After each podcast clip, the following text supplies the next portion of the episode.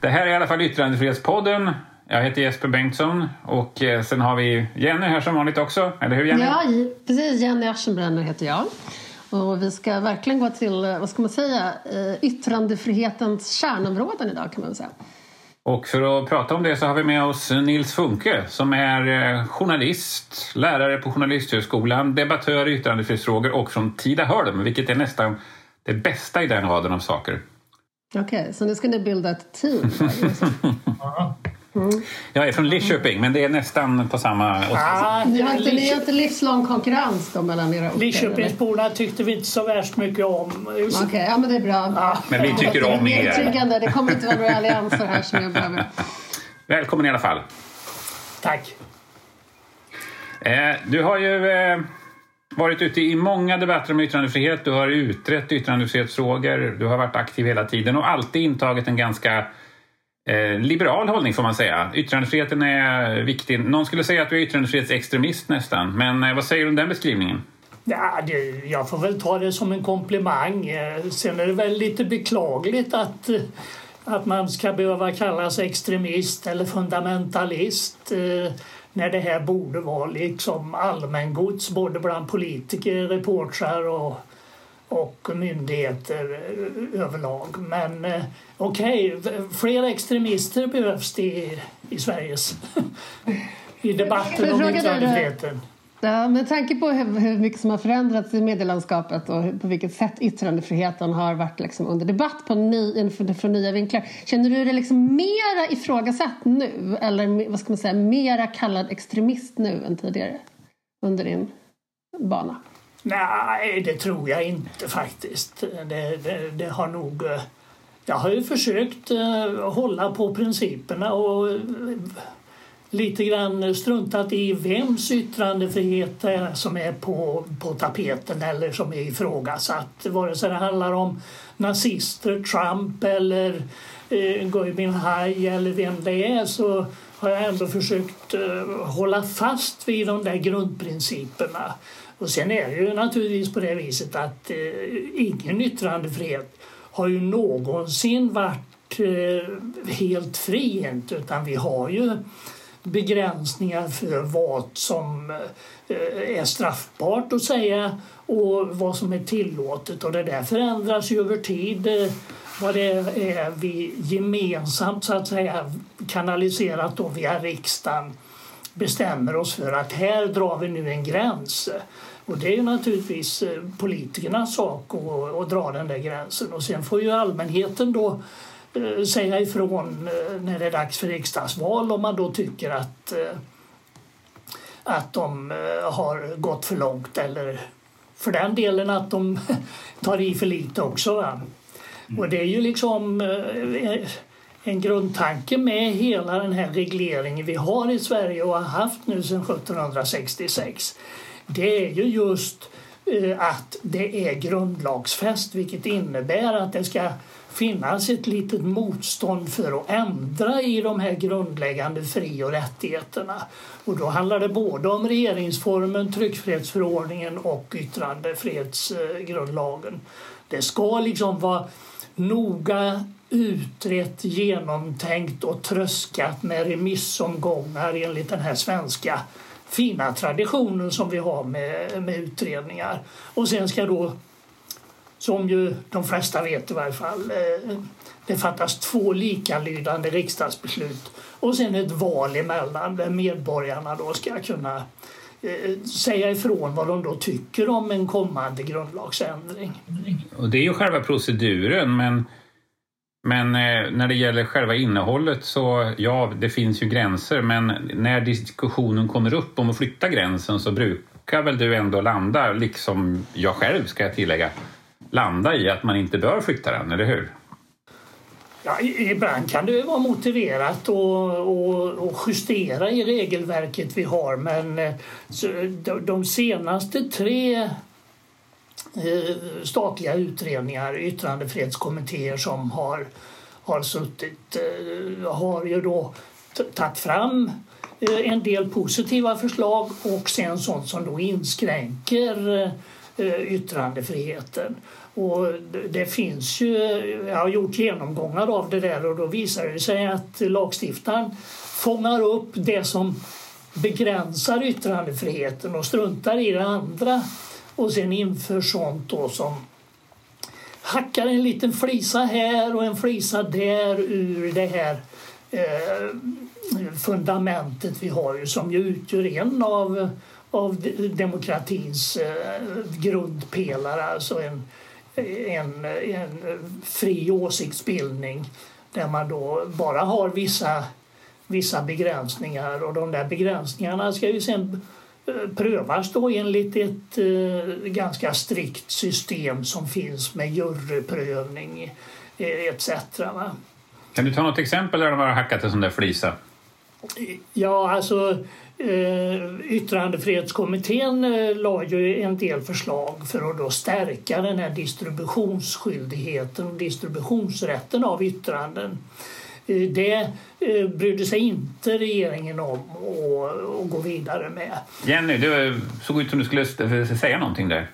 Eh, jag, jag höll på att säga många saker, men jag tänkte ändå att vi kanske ska beta av några av de mest aktuella frågorna kring yttrandefriheten just nu. Och en av de väldigt aktuella som vi pratade på vårt pennmöte om senast igår handlar ju om hur man agerat på sociala medieplattformar kring inte bara president, eller ex-president Donald Trump utan även hans anhängare och kastat ut mängder av människor från Twitter till exempel.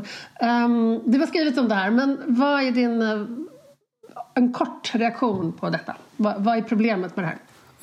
Problemet är att de här IT-jättarna har fått en sån, genom smarta affärsidéer så har de fått en sån dominerande ställning när det gäller det offentliga samtalet att jag tycker faktiskt inte att regeringar, politiken ska låta dem ställa upp såna här användarvillkor som de har gjort.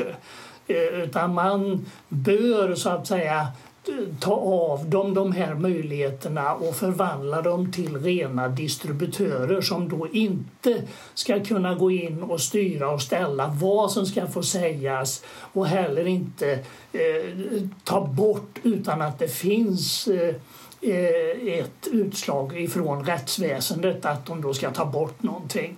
Och heller inte att eh, eh, vi ska tillbaka till, till början på 1800-talet som vi hade det här när, med den här indragningsmakten när Karl XIV Johan då kunde dra in utgivningsbevis för en tidning för att han då tyckte att de hade gått över gränsen för Eh, för det, det som borde få publiceras. Va?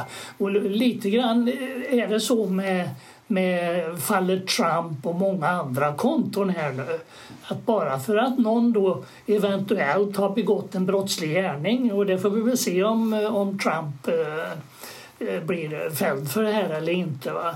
Men bara för att någon har begått en brottslig gärning en gång så ska man inte ta så att säga yttrandefriheten ifrån den personen eh, för, för all eh, evinnerlig framtid. Men, men, samtidigt är det inte då en stat som har gjort det här utan ett kommersiellt företag. Men du menar att problemet är att de är för dominanta så att de inte kan betraktas som alltså, publicistisk plattform på det sättet? Eller man kan inte låta dem ta publicistiska beslut på det Nej, sättet? Alltså, vi, vi har ju rena distributörer av yttranden.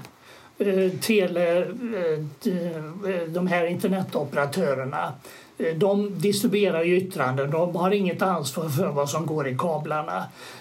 Svenska Postverket heter det inte längre, men Postnord har liksom en skyldighet att distribuera även yttranden i form av skrifter som är, är brottsliga. Och att posten har har fått Eh, det här uppdraget och inte har någon möjlighet att styra och ställa vad de ska dela ut. Det beror ju på att de har en sån dominant ställning när det gäller distributionen av tryckta eh, skrifter över Sverige.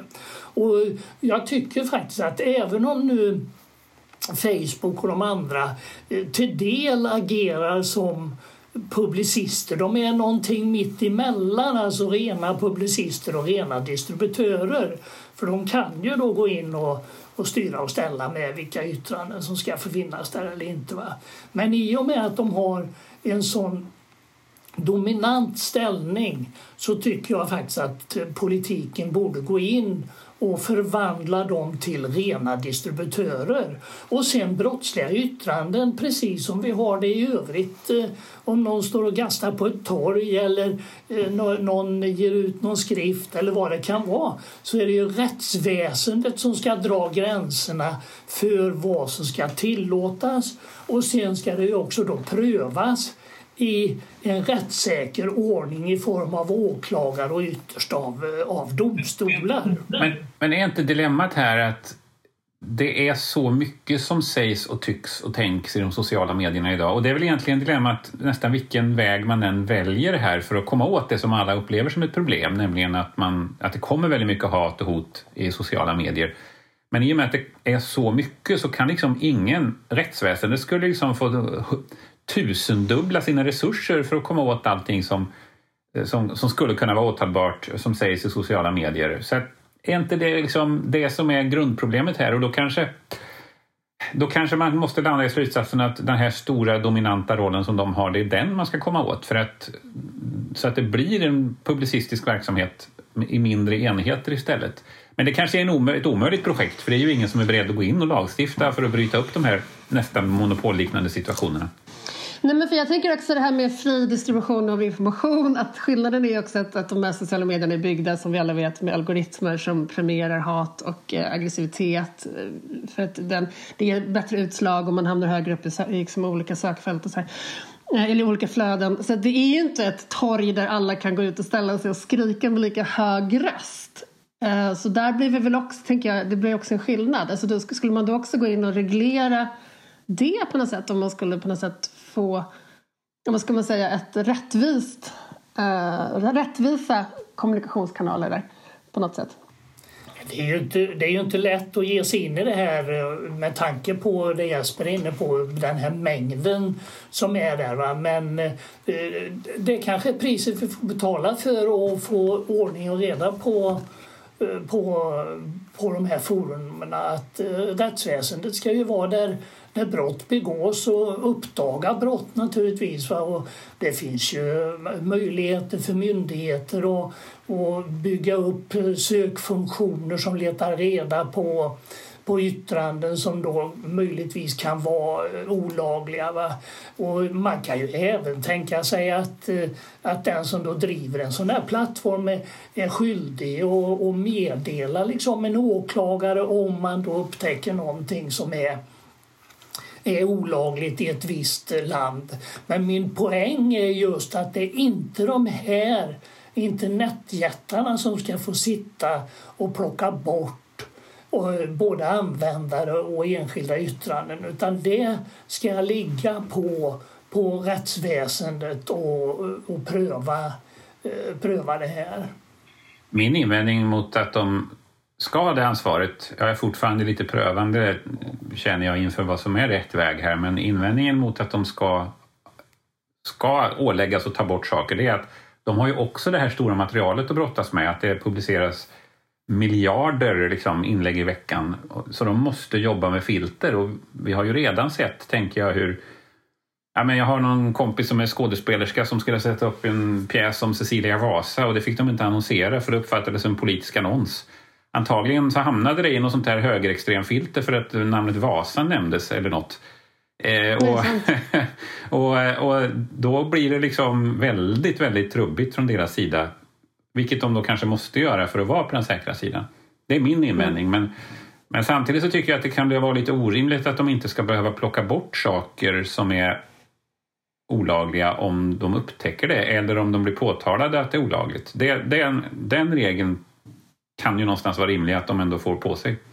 Ja, det, det är ju så EU har tänkt. Det finns ju ett förslag som är, förhandlas i, mellan parlamentet och mm. kommissionen nu. Att eh, man ska ålägga dem att ta bort sånt som är olagligt.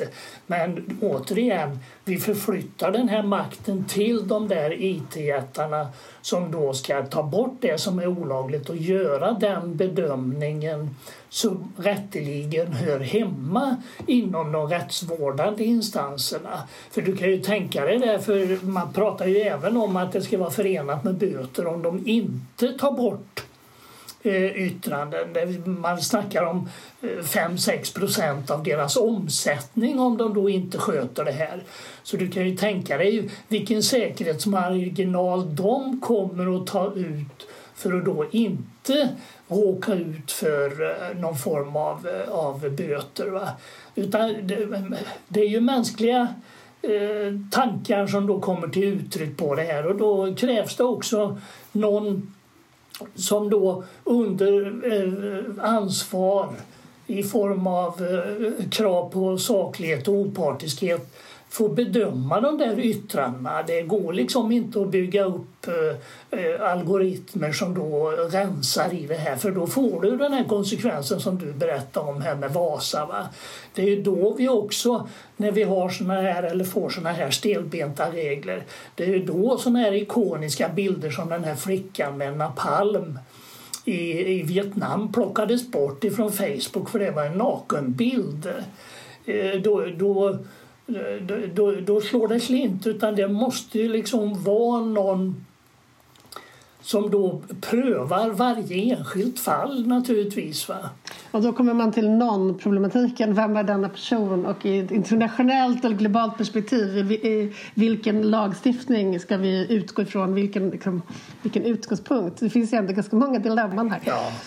Nej, denne någon, det måste ju vara på det nationella planet och eh, denne någon måste ju då ta, ta hänsyn till, eh, till den lagstiftning som finns i respektive land och denne någon måste vara en person som vi kan utkräva ansvar för och vars beslut går att överklaga eh, till till exempel en, en domstol. Va?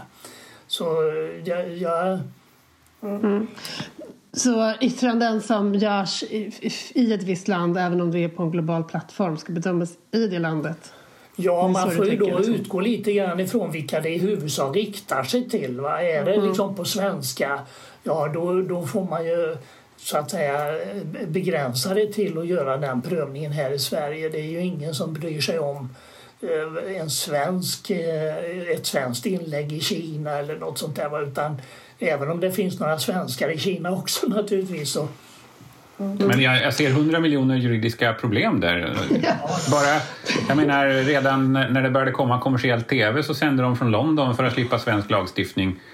Och nu måste mm. du kunna bevisa då att ett inlägg har skrivits på en viss plats eller på en server som ligger i ett visst land. Det blir, det, det blir lite komplicerat, tror jag. Ja, man får ju titta på vem det riktar sig till. Mm. Oavsett var servern ligger eller var sändningarna utgår ifrån. Fast det, det blir också jättekomplicerat för det betyder ju då att ett inlägg om yttrandefriheten i Kina skulle kunna åtalas i Kina även om det är skrivet i Sverige för att det riktar sig till kineser. Ja, skrivs det på Kina så på kinesiska så mm. skulle det kunna vara, bli, bli en följd naturligtvis. Och den sortens juridik har vi inte riktigt idag. Ja, behövs en ny juridik kring det här? Som du säger. En gång till. Behövs det en ny lagstiftning? Kan man använda den lagstiftning som redan finns i Sverige för att komma åt de övertramp som faktiskt begås på sociala nätplattformar? Ja, det vågar jag med bestämdhet säga. Vi har liksom eh, väldigt eh, Eh, Eh, ett, ett, eh, ett, som jag tycker, fullgott skydd både när det gäller att skydda den personliga integriteten. Vi har regler om kränkande fotografering, vi har regler om, om eh, publicering eller spridning av kränkande fotografering. Vi har förtalsregler, förolämpning, olaga hot, övergrepp i rättssak, you name it, alltså hets mot folkgrupp för att för att nämna ytterligare ett. Det, det, finns liksom ett helt, helt batteri av eh, straffbestämmelser för att vidta och använda emot yttrande på, på nätet. Och sen är det ju som Jesper är inne på, det, det här är ju ett eh, nytt område för många för rättsväsendet också att hantera, va? men det är inte omöjligt. Eh, ta det här Instagram-målet i Göteborg där några unga flickor, jag tror de var 14 eh, och 15 år, eh, la upp ett, ett konto på, oj, ja, någon av de här sociala plattformarna. Jag tror det var, undrar om det var Instagram eller någonting. Ja, det var Ja, där de då publicerade uppgifter om så kallade orrar, alltså kompisar eller, eller personer i samma ålder som man då utmålar som sexuellt eh, eh, sexuellt eh, utlevande och, och, och där nystar ju polisen nystar ju upp det där. Och de blev ju sen fällda och deras vårdnadshavare fick ju kraftfulla, kraftfulla böter. Det var uppåt ett 40-tal eh, Eh, personer som då som då ansågs eh, förtalade. Så det, visst, det, det går. Sen får man ju hoppas då att eh, sådana fall som Instagrammålet Instagram-målet att det sänder en tydlig signal ut till, till- alla unga och även för den delen vuxna va? att här går gränsen. Rättsväsendet kommer att beivra det här och att det får liksom en, en påverkan på den allmänna eh, moralen och att man då eh, blir lite mer eftertänksam för vad man, eh, vad man publicerar. Mm. Men med tanke på att just hatspråk eller en aggressiv och till och med hotfull ton på sociala medier har ju blivit ett av de så här väckt väldigt mycket starka som känslor av upprördhet och vilket, begripligt. Men när skulle, och då krav på hårdare lagstiftning eller hårdare re, regleringar på olika sätt eh, både liksom nationellt och på sociala medieplattformar. Skulle du säga att det här på så sätt är, är ett, liksom ett av vår tids stora hot mot yttrandefriheten? Alltså i ett demokratiskt västland då förstås, som Sverige. Ja, det, det, en del tycker väl jag är naiv, men jag ser ju de här eh, möjligheterna som en oerhörd demokratisk potential. Alltså för oppositionella och, och nå ut med sina eh, åsikter och värderingar och driva opinion. Va? Eh, det här är ett, eh, ett Ja, men jag tänker just det här hatspråket, att liksom den hatiska tonen, det är den gör ju att man plötsligt vill begränsa den där friheten som du pratar om. Alltså så att, att där kan man ju tänka ligger en stor fara, en stor eh, för yttrandefriheten. Att det piskar upp en stämning av, av, av att man vill ha hårdare regleringar och hårdare lagstiftning. Ja, nej, det är klart. Det, det, det kan ju resultera i, resultera i att man då kräver eh, att hat ska liksom eh, vara en straffbar, eh, straffbar gärning. Men här har vi ju de här andra regelverken som då ska fånga upp de mer allvarligare uttrycken för sån här hat. Och, och det är ju då hets mot folkgrupp, förtal och eh, olaga hot. Eh, det, det är ju där gränsen går. Vad någon bedömer som hatiskt det kan ju liksom andra anser rymmas inom en vid yttrandefrihet och, och eh, den fria åsiktsbildningen. Man får liksom lite grann också acceptera att det är en del som använder ett språkbruk som eh, kan upplevas som stötande och då får man argumentera emot istället för att och försöka förbjuda det. Men visst, du, du har en poäng i att eh, om det blir mycket av det där hatet att det till sist då, eh, blir omöjligt för politikerna att inte eh, Eh, så att säga eh, kriminalisera även sådana eh, såna gärningar. Men jag är, jag är naiv nog och, och optimist nog att tro att det här ändå kommer att, att korrigera sig. Går vi tillbaka till när den periodiska pressen växte fram då pratar man ju om en pressens slyngelålder. Det var ju liksom ingen hejd på det frosseri i mänskligt elände som eh, de periodiska skrifterna eh, bedrev under, eh, i slutet på 1800-talet och under 1800-talet också i, övrigt. Va? Men det har ju sen ebbat ut och, och, och rensat sig självt. Så jag, jag, mm. Så du ser en liknande utveckling eh, på, när det gäller sociala medieplattformar och kommunikationen som pågår där? Att den, skulle, den, det kommer på något sätt bli självreglerande, den kommer, man kommer att vilja eh, vara det? Ja, Vet, liksom. ja det, det, det är min förhoppning och tro. Men det är klart att det krävs ju också att rätts, eh, rättsväsendet är på alerten och verkligen slår ner på de allvarliga Eh, yttranden som förekommer, hets mot folkgrupp, eh, eh, förtal, uppvigling och vad det nu kan vara. Va?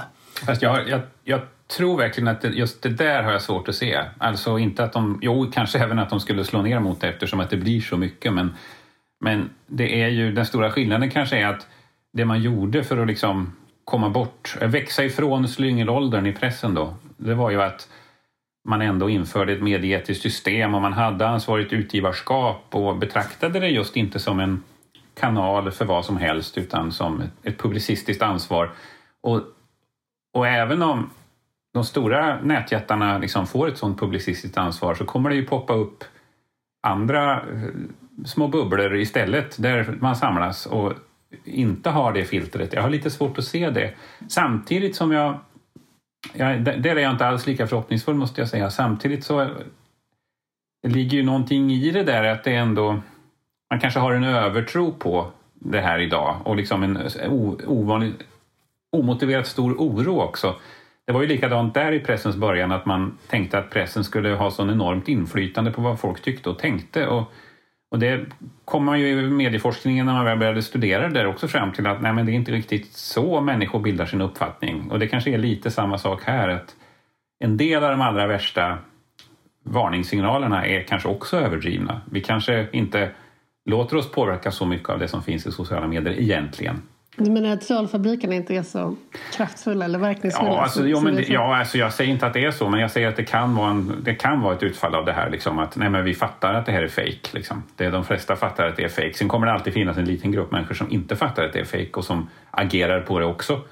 Men inte säkert att det är en majoritet av befolkningen. Som man ibland kan nej, få intryck kan, av idag i, i, i debatten.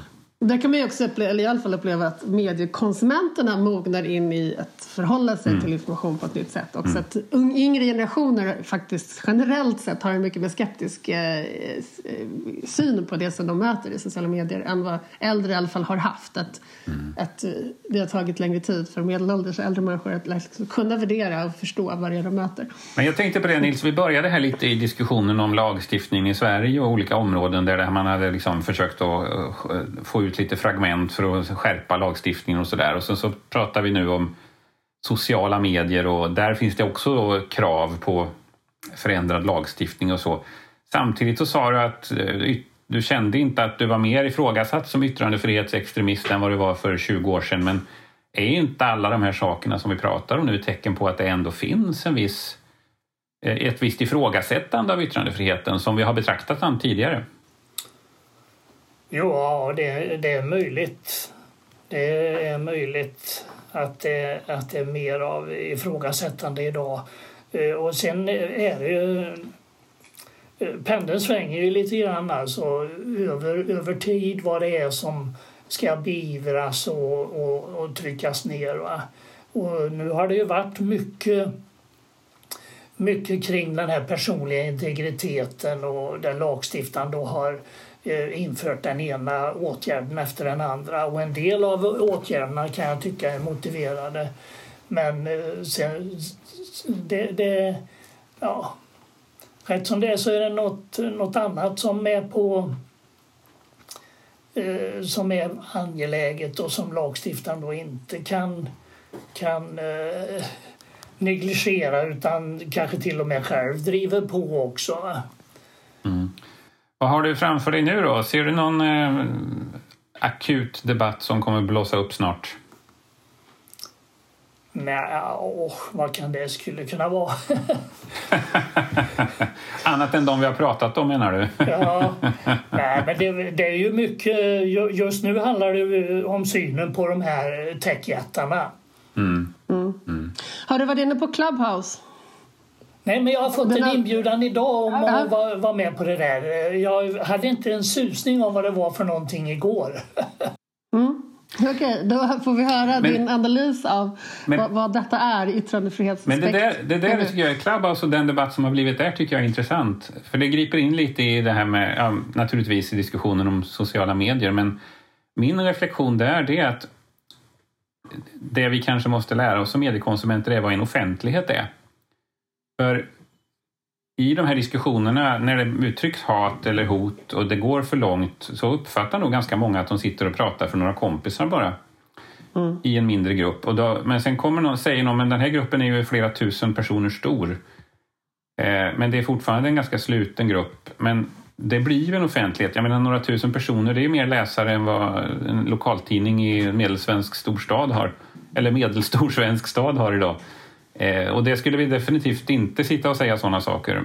Men man gör det här för att man uppfattar det som ett privat forum fast det kanske inte är det. Det är ett jättestort torg man pratar på i själva verket.